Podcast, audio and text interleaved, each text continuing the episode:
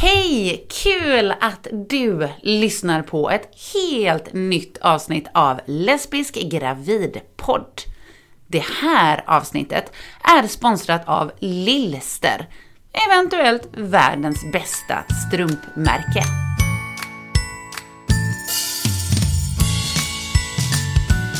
Detta avsnitt kommer handla om dubbeldonation, eller partnerdonation som det också kallas. Och för den oinsatte så handlar det alltså om när en person bär sin partners ägg, som då har blivit befruktat utanför kroppen via IVF.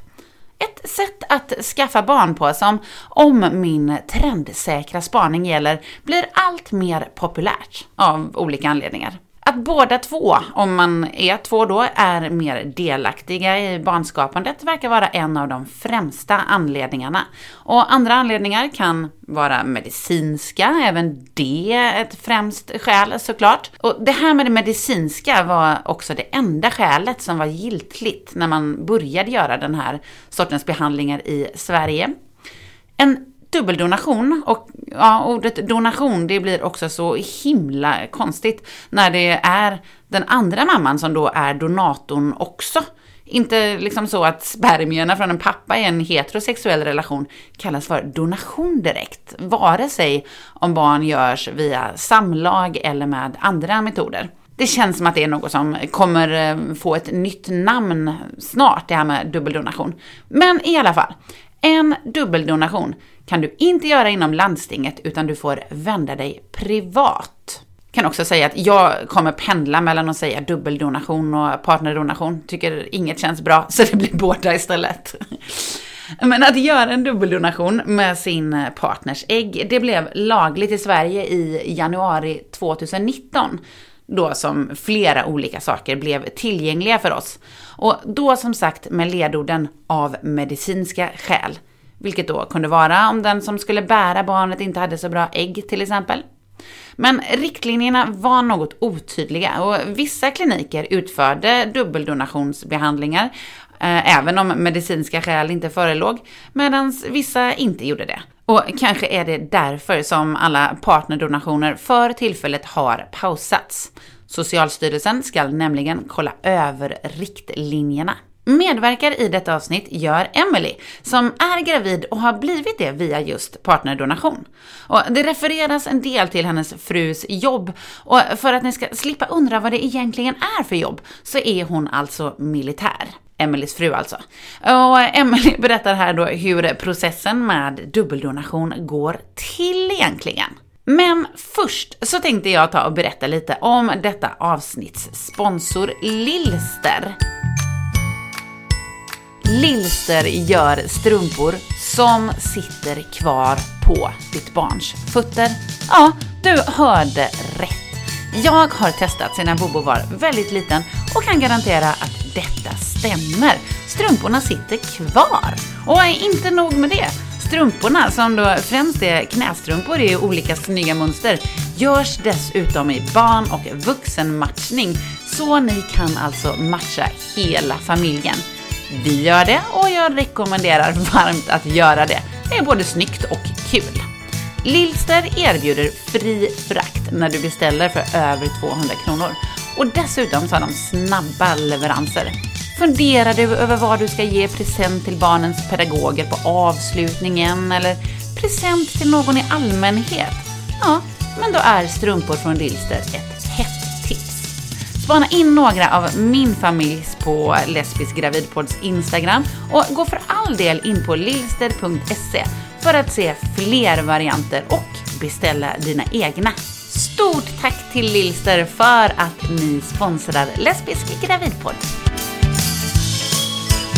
Hej Emily! Hej! Hej, välkommen till Lesbisk gravidpodd! Jättekul att få vara med. Ja men det är så kul att du är med ju. Och du är ju gravid nu. Ja, det är jag. Grattis till det! Hur känns det? Hur mår du? Mår du bra? Eh, ja, nu mår jag bra. Det har varit eh, jobbigt, men eh, nu börjar det faktiskt bli mycket bättre, så det är jätteskönt. Ja, ah, skönt. Vilken, vilken vecka Ja. är det du är i? 24, så lite mer än halvvägs. Ja. Ja, kul! Men när du skulle bli gravid, Ja. så eh, använder ju du och eh, din fru er av eh, dubbeldonation och det är ju det vi ska prata om nu. Men jag tänkte bara först kolla, säger man egentligen dubbeldonation eller partnerdonation? Vilket är mest rätt? Alltså, om man, jag säger ju eh, oftast dubbeldonation på grund av att de använder det eh, på Livio, alltså där vi, men eh, partnerdonation är väl det som egentligen så här, det är ju att man har sin partners ägg så att Mm. rent så så tänker jag att det är väl det mest logiska. Ja, det, det låter så himla kliniskt båda två liksom. Men, eh, ja. ja, och sen finns det ju det här egg sharing och så också. ja, just som det. jag vet en del använder sig av. Så att det är ju olika begrepp och sen alltså i England har de ju helt andra begrepp så att ja, det är lite olika. Kanske kommer något nytt hit också.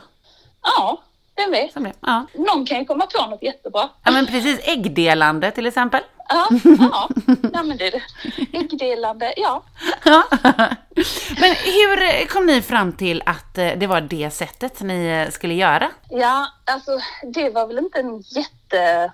Så här, från början så ringde jag till RMC i Malmö för att vi hade ju hört att köerna var superlånga. Och då tänkte jag att ja, men vi kan ställa oss i kö i alla fall. Och eh, svaret jag fick var så här, ja men ni båda måste ha fyllt 25 när ni ställer er i kö. Och då började jag räkna lite på det och insåg att okej, om vi ska ställa oss i kön när Michelle är 25 så kommer jag vara ungefär 36 när vi kommer fram i kön. Och det kände vi liksom, nej vi vill väl kanske inte riktigt vänta så länge. Så då började vi kolla på de privata klinikerna och så vägde vi för och nackdelar med insemination och IVF och just så här, ja men vi har många kompisar som har haft svårt för att skaffa barn och man vet inte, alltså tar det typ 10 stycken inseminationer så är man ju uppe i ganska mycket pengar. Så då kände vi att eh, ja, men vi kör nog på IVF. Och sen eh, i den här perioden så var det precis när det blev godkänt, eller det var ett litet tag efter tror jag till och med. Men och då tänkte vi att eh, ja, men vi kör på eh, partnerdonation istället. Mm. Ja, att det skulle vara kul att testa liksom. Men Ja. var det liksom något, eller hur kom ni vidare till den tanken? Att istället för att bara, nej men vi kör en enkel, inom citationstecken då, IVF, till att nej men vi kör ett steg till. Ja, alltså det var nog liksom bara typ så här att det, det skrevs ju en del i så här regnbågsgrupperna och så här kring eh, att typ så här att åh men nu har det kommit till Sverige och så här. Men vi var ju fortfarande väldigt så här, ja är- är det säkert liksom? Får man göra det i Sverige? Och sen så hade vi någon kompis som sa att jo men alltså ring till dem för att de ska göra det. Och då liksom, så kände vi att ja, men vi kollar på det eh, när vi kommer till kliniken och pratar med dem och så. Så ja, det Ja. blev liksom bara ja, ja men naturligt att ja, men vi, vi kollar, går det så går det. Ja, så det blev det sättet ni körde på. Men för, ja. som du sa, nu för tiden så kan man ju göra detta i Sverige, vilket Ja. man inte fick göra innan. Då fick man ju åka utomlands. Men eh, hur Precis. kom det sig att ni valde att göra det i Sverige? Mm. Alltså, vi tänkte mycket på så här, tryggheten med att förstå språket, vara nära hemma, kunna besöka kliniken. Alltså det, ja, ja, men det är mycket sånt, just att alltså, när du ska plocka ut ägg och så här, det, det tar ju ändå rätt mycket tid för du måste in på ultraljud och de ska kolla äggblåsor och så här liksom. Så då kände vi att eh, ja, men vi kör nog i Sverige. Eh, ja, Ja. och sen, sen kom covid och det var ju tur för då stängde ju allt annat ner. Liksom. Ja. Så, ja, gud vad tråkigt att ha påbörjat en process utomlands och inte Ja. kunna fortsätta den.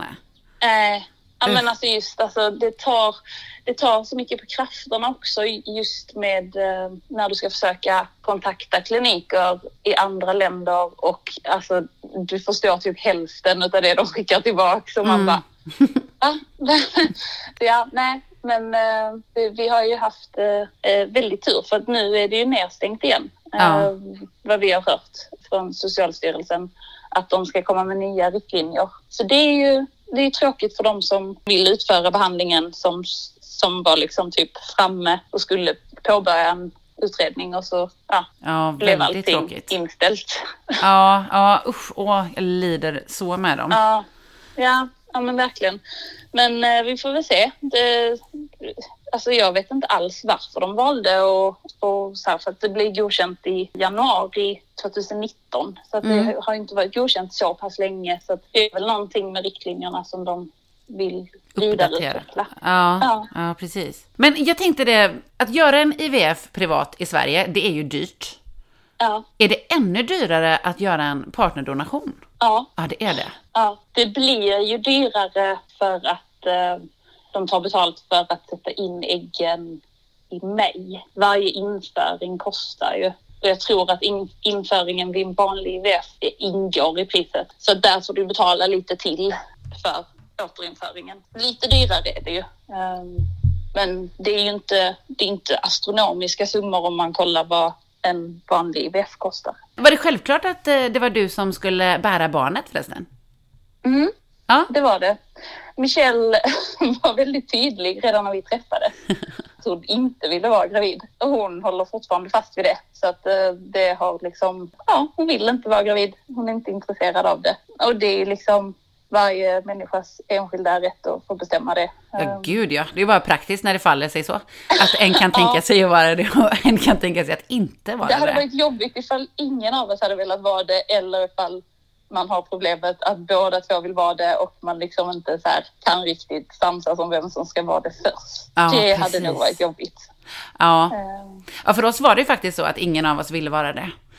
Aha. Men sen så var jag uppenbarligen den svagare av oss i frågan och eh, blev det ändå. Vilket jag inte ångrar. ju, nej, Det passade det är mig. en fantastisk upplevelse. Alltså det är, jätte, det är jättecoolt att vara gravid. Ja. Ehm, Just när man kan börja känna sparkar och så här. Det är ju jättehäftigt. Ja, men eh, nej, alltså det påverkar hennes jobb också, vilket gör att eh, jag tror att hon tycker att det är inte värt det när, när jag kan vara det. Precis, när man kan lägga över det på någon annan. Ja. Nej, men vi är ju olika och det är ju väldigt bra det. Ja, Som i detta fall att det blir praktiskt Ja. också. Ja. Men då när ni hade tagit beslutet att eh, ni skulle göra på detta sätt, hur gick ni vidare då?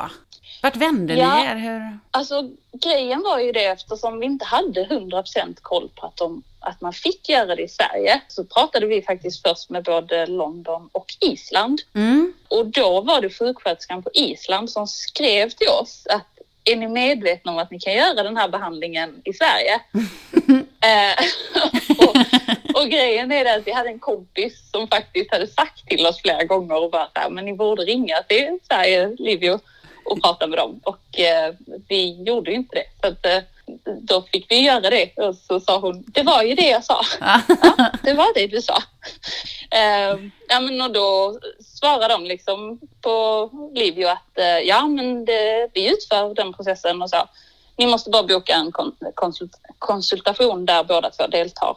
Um, så ja, så att, eh, då påbörjade vi processen där och sen, eh, ja, vi gick, gick på det här första samtalet där de typ så här, ja men de pratade liksom bara med oss typ så här, ja men vad, vad vi hade för, eh, vad, vad vi ville göra, eh, hur vi kände inför det, vem som skulle bära. Båda två fick göra en gynekologisk undersökning, det här vanliga liksom. Mm. Och sen så, så var mötet slut liksom och vi fick besked att det skulle startas en utredning och att vi skulle boka in oss på ett eh, så här, psykosocial bedömning. Så det gjorde vi. Ja. Ja. ja. Så, då var det inte så krångligt att få igenom då liksom att, eh, att du skulle bära hennes ägg? Nej, alltså vi, vi blev lite så här för att de, Michelle fick bara skriva på ett papper där hon bekräftade att hon ville donera sina könsceller. Mm. Eh, och sen skötte kliniken all kontakt med Socialstyrelsen.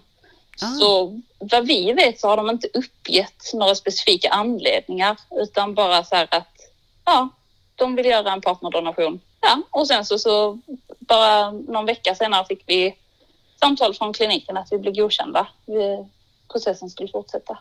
Ja. Ja, Ja, skönt. ja nej, det var väldigt, eh, väldigt enkelt. Men jag tror också att när man gör det privat så du betalar ju liksom för servicen. Mm. Eh, Så att det är väl lite det också att de ska ju tillhandahålla med allt sånt. Det, man ska ju inte behöva ringa runt och ja, eh, boka massa annat själv utan det är man har ju betalt för, för det så att fram. Ja. Det är lite som att göra det på, eh, i Danmark. De, där är det lite mindre sterilt också vad jag har förstått på våra vänner. Jaha. Ja, ja de har ju mycket mysigare. Ja, Alltså, ja, du här menar så. Jag tror du Ja. menar typ mindre rent. Jaha, nej. nej, Nej, ja. nej. nej, rent har de. Ja. Men alltså det är mer så här hemmamiljö, det är mysig miljö liksom. Mm. Eh, Med kuddar och liksom. eh, I Sverige så är det ju liksom bara en brits. Ja, ja, jag har förstått också att det är en eh, viss eh, skillnad. Ja. Vi eh, har ju bara gjort i Danmark, men det var mysigt. och det var kuddar. Och eh, ja, ja bekvämt.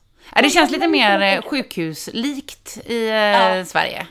Ja, gud ja. Ja. Ja, verkligen. Och väldigt så här, alltså det var ju ett jättesterilt rum. Jag, alltså när vi skulle sätta in äggen och plocka ut dem så det, det var ju verkligen så här, inga telefoner med in där för jag har ju sett att en del har fotograferat och tagit bilder och så här när de har gjort återinsättning. Men det var verkligen så här, nej, nej, det är ingenting. Ah, Eh, okej. Man fick eh, så här, ja, men speciella sjukhustofflor och ja. ja. Ja. Nej, det var väldigt här sterilt. Sterilt, ja. ja. Men hur finns det liksom några risker med eh, partnerdonation? Ja, alltså vi har ju kollat lite på det. Mm. Ehm, för vi pratade med vår läkare kring detta. Eh, och alltså det, det står att det finns en ökad risk för högt blodtryck och havandeskapsförgiftning. Mm. Eh, och då går man på en så här blodflödesmätning där man kontrollerar eh, fostret och moderkakans blodcirkulation. Och sen mäter man så här blodförtunnande under hela graviditeten. Eh, men vi pratade med vår läkare om detta för vi blev lite så här, jaha, men kan detta påverka? Och hon var väldigt så här, nej, nej, nej, alltså det, det är jätteliten chans och ni, ni kommer inte få några problem liksom. Så att eh, jag, alltså, jag är trygg med att utföra behandlingen för er. Mm. Eh, så ja. Ja, Så skönt. att någon form av risk ska det ju finnas eh, eftersom man får här. Men eh, sen vet jag inte ifall havandeskapsförgiftning, jag vet inte hur riktigt hur det påverkar ifall det kan ha med ålder och så här också som har med, Ja. ja, där det oftast är ju med IVF och så, att man utför det på äldre eller personer med som Mm. har ofrivillig barnlöshet. Men sen då, från att ni liksom kontaktade eh, kliniken till Ja. att eh, behandlingen kunde starta, hur lång tid tog det? Alltså vi hade ju ett rätt utdraget förlopp.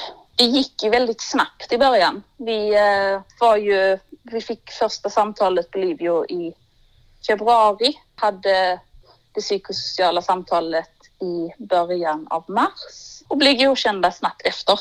Så det var liksom inte, det, det gick väldigt snabbt eh, att välja.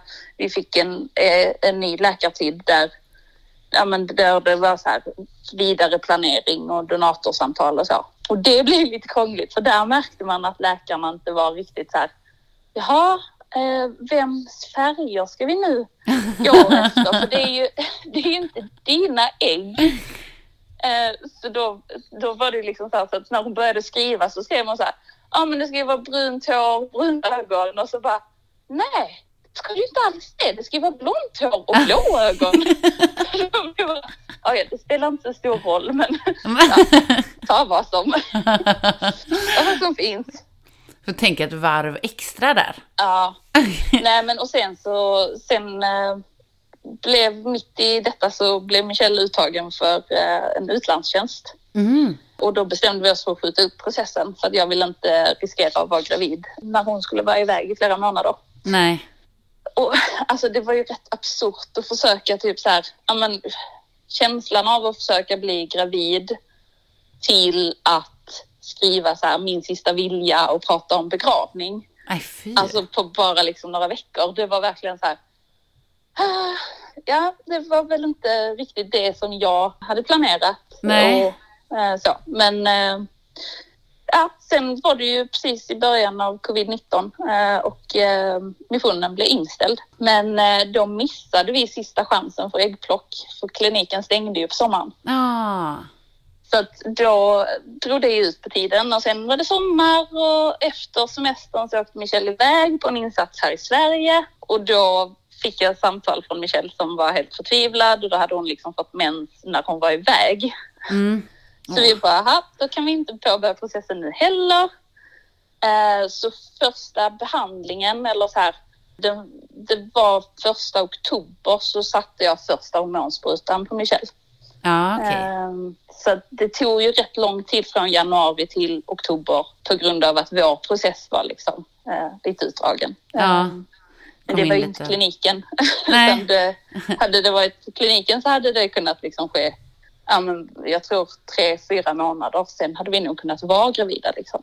Ja. Ja, det, det är ändå en väldig skillnad eh, gentemot hur det skulle vara om ni skulle ställt er i den vanliga Ja. kön, så att säga. Precis, och det var ju det vi kände att alltså, det kommer vi inte hinna med tanke på alltså, ja men jag, min son är ju snart 14 Mm. och eh, jag kände väl lite att nej, jag vill inte skaffa barn när han är 20. Eh, då är det liksom, då är det nog lite för sent. Även fast det inte hade varit för sent rent alltså, kroppsligt så Nej. mer alltså mentalt att, att flyttar han hemifrån och så ska jag helt plötsligt ha en bebis. Ja, då skaffar vi en ny då.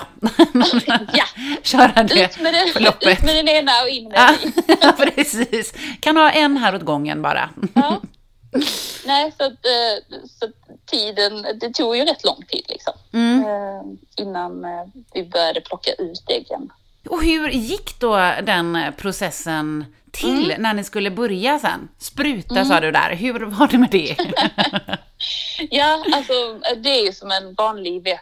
Eh, att man får eh, hormonsprutor för att se till och, eh, ja, att det ska, man, man ska få många äggblåsor. Jag är inte jättebra på den här processen.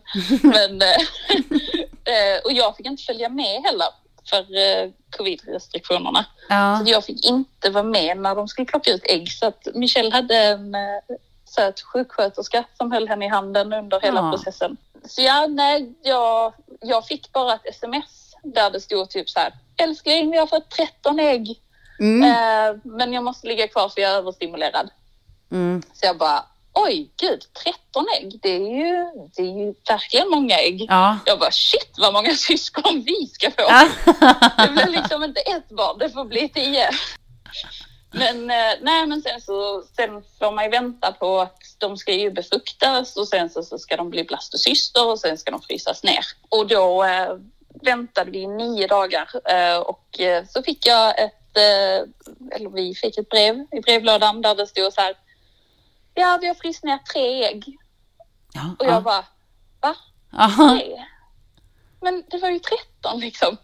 Så ja, nej men då kände man ju lite så här, jaha okej, men jag började googla direkt eh, och bara så här, hur många överlever upptiningen? Och så stod det typ så här 80 till 90 procent och man bara, Mm. ja, det är ju inte, ja, tänk, ska de tina två då eller hur, hur gör de liksom? Mm. Eh, som tur var så hade vi en telefontid med läkaren ett par timmar senare. Och hon ringde upp och var typ så här, hon bara, nej men det är jättebra, tre ägg är superbra. Eh, Mm. Och vi bara, ja, ja men det är ju skönt. Eh, för man har inte riktigt koll på liksom, var, det, var det bra? Alltså 13 ägg kändes ju superbra och sen helt plötsligt bara, nej men tre. Ja. Man bara, jaha, Ja. Ja. Nej, så eh, då eh, så sa hon bara att eh, ja, nej, men de ligger i frysen och ni kan påbörja återinförandet så fort jag får ägglossning. Så jag fick ägglossning och det planerades för att sätta in ägg och jag började med min medicinering. Och dagen innan vi ska eh, sätta in det här ägget så testas Michelle positivt för covid. Åh. Ja, paniken då, som in, alltså när man inser så här, kliniken stänger om en timme och imorgon bitti tidigt så tinar de upp ett ägg. Ja.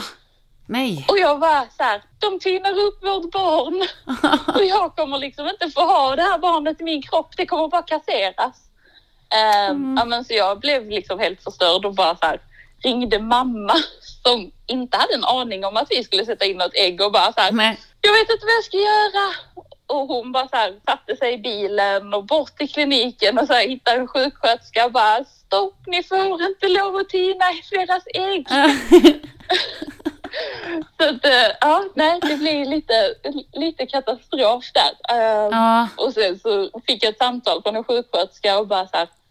Hon bara, men eh, det står ju i papperna i telefonen att du kan ringa ifall det skulle vara så att ni inte kan påbörja insättningen. Jag bara, jaha, ja, ja. Tack. Bra, det vet jag. Ja, då vet jag det till nästa gång. Men eh, ja. Nej, så då fick det ju skjutas upp. Så då fick vi vänta till nästa gång jag hade ägglossning igen. Så den 11 december så satte de in en blastocyst Ja. som var fem dagar. Ja. Gjorde det ont? Nej, det gjorde inte alls ont. Det känns eh, i princip ingenting eh, att sätta in. Det är ju att plocka ut som gör ont. Så att Ja. eh, det, det överlämnar jag ju till Michelle. Någon Ja. smärta ska hon ha. Ja, men precis. Jag, skulle, jag tänkte det också nu. Det blev ju rätt uppdelat ändå liksom. Ja, ja Mm. jättebra. Så att, ta ut det och ta ut Fast bebisen. hon tyckte inte det gjorde ont. Nej, okej. Hon, hade, hon, hon var ju liksom jättepigg efteråt och Ja. bara så här, hon bara nej nej men det var ingen fara. Jag bara men det är bra för du får bli liksom, eh, ja men eh, vi pratade lite om det sen just med att eh, donera ägg. Så det, det kan ju vara jättebra. Hon är ju så pass ung att hon och frisk så hon kan ju mycket väl göra det. Ja. ja, men det är ju jättebra. Just när, ja, Ja. när, hon, när hon hanterar det så bra också. Precis. Ja, Betyder säkert att du får en smärtfri förlossning också. ja Det tror det jag. tänker jag. Ja. Ha, men så då satte de in den lilla blastocisten då? Ja. Och, Det gjorde de. Och det- Michelle fick inte vara med då heller. Nej. Eh, Så hon fick ju, för jag vet att eh, när man gör det inom landstinget så måste partnern vara med. aha. Eh, Men på privata kliniker så fick inte hon vara med så att hon eh, Nej. Fick ge sitt medgivande så via bank-id. Jag bara, ah, jag godkänner att, eh, att ni sätter in äggen på min fru. Så bara, ah. ja, så Tråkigt om det hade varit något den- tekniskt krångel där. Ja, det hade varit lite jobbigt. Men ja, nej. Så att, eh, då, sen påbörjade vi väntan på att ta det här graviditetstestet. Det mm. var ju, ja, den 11 satte vi in och eh, på julafton skulle vi testa. Oj, herregud. Ja. En sån eh, domedag. Ja, Ah. det var ju verkligen så här, man bara, ja, ska vi vara jätteledsna på julafton eller ska vi vara jätteglada på julafton? Men vi eh, testade faktiskt innan. Ja. Vi var lite busiga. Mm. Så att eh, först gjorde vi ett eh, test ett par dagar efter insättningen bara för att kolla att det blev negativt. För att eh, den här eh, hormonsprutan som man får kan man ju få eh, positivt Ah. graviditetstest av. Så då vill man ju ha ett negativt emellan för att annars så kan det ju vara att det är falskt positivt utav det. Ja. Så vi, eh, vi väntade en vecka och sen eh, gjorde vi testet och fick positivt Åh, graviditetstest. Ja, en sån fantastiskt fin tidig julklapp då. ja. Det var, eh, det var verkligen så här, ja, nej, det, det kom precis när det skulle liksom. Ja. Eh, Vi behövde nog det eh, just då också. Det var mycket som eh, man har gått igenom innan liksom som, eh, som tog på krafterna. Ja, Mm. så ja, nej. Så den lilla blastocisten är den som sitter i dig nu alltså och har blivit Ja. en bebis. Ja, Så fint. helt sjukt. Ja. Ja. Och vad skönt Ja. att det tog sig på första försöket också. Ja, verkligen. Ja. Eh, vi, vi var ju väldigt så här, eftersom vi har ja, men ändå många vänner som går igenom ofrivillig barnlöshet och eh, alltså just hur man hanterar det. Eh, Mm. Och det var väl lite därför som jag kände direkt också att herregud, jag är 34 snart. Vi får nog göra en IVF liksom för Mm. att alltså det, det, det är väldigt få som blir gravida via insemination på första försöket. Ja. När man är i den här åldern eh, så är det, ju- det går ju neråt liksom. Ja. Så då kände vi ju bara så här att ja, men IVF får det bli eh, om vi nu ska ge oss in i det. Eh, så ja, nej, det var väldigt skönt att, eh, att det gick så pass. Eh, men Michelle har ju väldigt bra ägg så att ja. ja. Bra, bra kombo. Och du är bra på att bära barn då. Alltså. Ja, jag är bra på att bära Ja. barn eh, och hon är bra på att ha bra ägg. Perfekt kombination. Jättebra match där liksom. Ja, verkligen. Ja, vad kul. Ha, vad tror du? Blir det något syskon om 14 år? Kanske inte om 14 år. Ehm, Jag sa till Michelle att det blir absolut inga syskon eh, Nej. när jag eh, mådde som sämst. Nej. Eftersom jag har mått så fruktansvärt illa så länge. Ja, fy. Ehm, Ja, det var ju verkligen ingen höjdare eh, att må så. Nej. Men, eh, men så då var jag ju hundra på att eh, här, nej, nej, det kommer inte bli några syskon, Michelle. Och hon har varit så här, hon bara, nej, nej, men vi har ju redan en liksom. Eh, Mm. Och nu ska vi få nummer två. Så Mhm. vi behöver väl inte ha fler. Jag tycker väl ändå kanske att det hade varit mysigt med en till nu. Ja, Men det får vi väl se. ja, men precis. Ja, Tiden får utge alla svar. ja. Men du som mådde illa så eh, länge, Mm. har, var det något som funkade mot illamåendet? Nej, Nej, ingenting. tråkigt. Alltså det är ju typ det, man har ju så många vänner som kommer med världens gulligaste eh, förslag och verkligen försöker hjälpa en på alla sätt och så här. Men eh, nej, det fanns ingenting som hjälpte. Så det var ju fruktansvärt tufft och eh, Michelle har varit iväg en stor del av våren, vilket har gjort att eh, jag har varit själv en hel del eh, och det gör ju att det blir ännu tuffare när man ska Mm. försöka gå igenom liksom eh, hantera att ja, men jag är gravid, jag är jättelycklig över detta men jag mår så fruktansvärt dåligt att jag skulle bara kunna tänka mig att lägga mig ner och dö liksom. Ja, Ehm, och jag har en inte- tonåring. Ja, ja, ja jag har Ja. en tonåring som man ska försöka ta hand om också. Jaga. Ja. Det är, det är lite annorlunda med, med små barn och tonåringar. Eh, Ja, lite olika Det- bekymmer där. Ja, lite. Att, ja, jag har världens snällaste tonåring dock. Men eh, Ja. när, man- när man ber honom gå ner och handla. Så här, ja, men jag hade craving på så här, sura S och salta S. Mm. och ger honom mitt kort och säger till honom snälla gå ner och handla. Och han ringer efter typ en timme och säger att jag har bara träffat en kompis. Jag, jag kommer hem sen. Så jag bara, ja okej, gör det. Då skjuter jag på Eh, cravingen lite bara. Ja men när barnet då kommer hem ty- typ klockan 11 på kvällen och bara hej mamma jag har godis till dig. Och man bara, du gick hemifrån klockan tre idag. jag är inte sugen längre. nu vill jag ha något annat. Ja, nej. Det är väl, eh, det är väl eh, nackdelen med att ha en eh, tonåring. Ja. Men fördelen är när man har en snäll mamma som kommer och handlar till en istället. Ja, men gud vad skönt. Bra att Ja. ha det runt sig. Ja, ja gud ja. Alltså det stödet behöver man verkligen när man har en fru som jobbar borta my- mycket liksom. Ja. Ehm, Då krävs det att man har backup i livet. Mm. Jag kan tänka mig att det blir ännu viktigare sen när man har en liten bebis också som eh, kräver sitt liksom.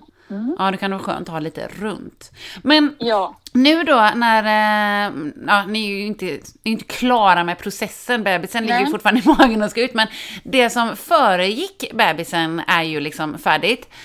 ja. Känner du att det är något du kan rekommendera andra och så? ja men det kan jag absolut göra. Mm. Ehm, alltså jag tänker väl att alla har ju olika anledningar till varför man vill eh, göra en partnerdonation. Mm. Och det, alltså framförallt så tycker jag att det är jättebra att det finns för de som inte har fungerande ägg. Det är ju lite, alltså just i vårt fall så fungerar mina ägg men vi har andra medicinska anledningar som jag vet inte ifall vi hade fått igenom det rent så.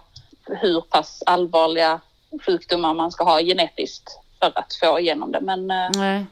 Det känns ändå skönt att veta liksom att vi har gjort vad vi har kunnat för att liksom få ett friskt barn. Mm. Sen kan man ju aldrig, sen kan man ju aldrig ge några garantier.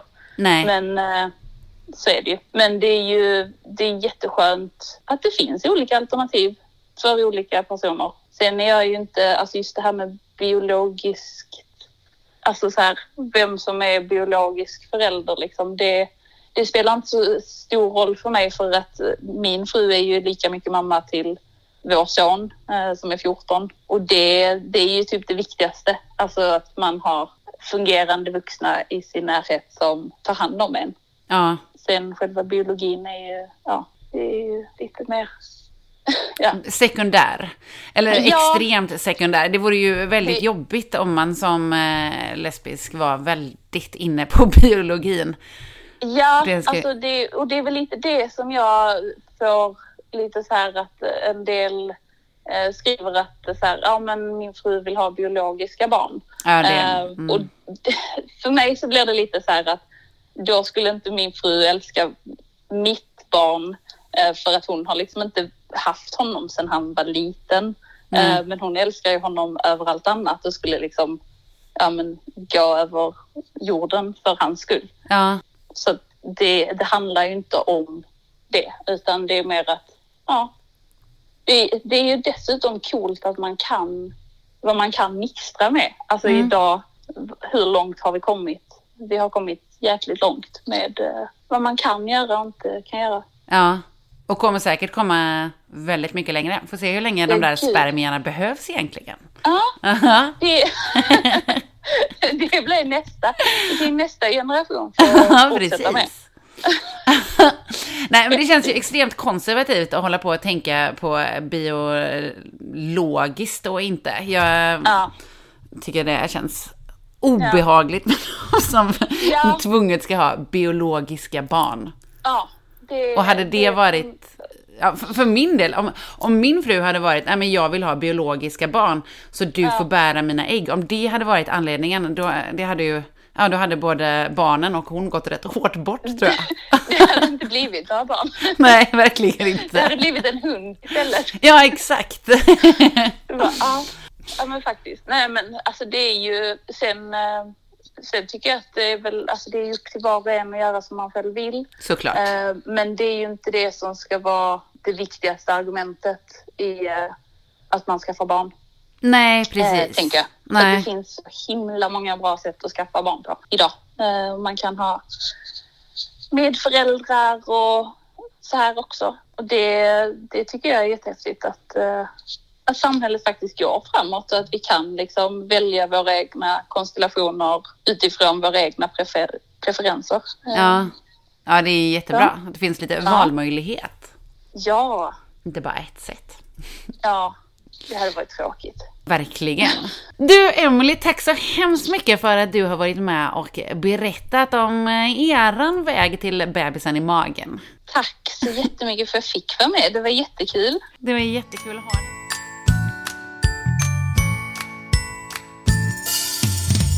Som vi då pratade om här så finns det ju en del som använder sig eller vill använda sig av eh, partnerdonation av biologiska orsaker.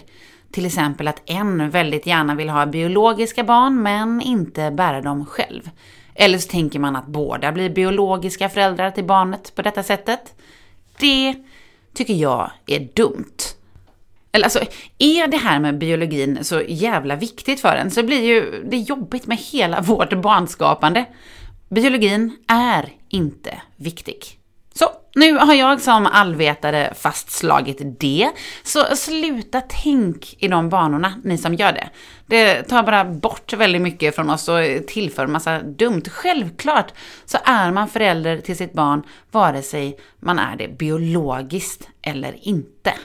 Jag pratade med en person på en klinik som vanligtvis utför partnerdonation, men de har ju då pausat nu också. Och hon hade definitivt märkt av ett ökat intresse av partnerdonation det senaste året och trodde också att det var just därför som Socialstyrelsen vill uppdatera riktlinjerna just nu. Och kanske också för att eh, några kliniker då har utfört dubbeldonation utan medicinska skäl, medan många då inte har det. Riktlinjerna ska i alla fall vara klara i höst är det sagt, så då får vi se vad som gäller från och med då. Det här var allt jag hade att bjuda på denna gång. Tack för att du har lyssnat och tack igen till Lilster som har sponsrat detta avsnitt. Vill du säga någonting till mig, tipsa mig om något eller ja, fråga, bara ha något sagt. Tveka inte att mejla på lesbiskgravidpodd gmail.com. Vi hörs snart igen hoppas jag. Ha det så himla bra så länge. Puss puss, hejdå!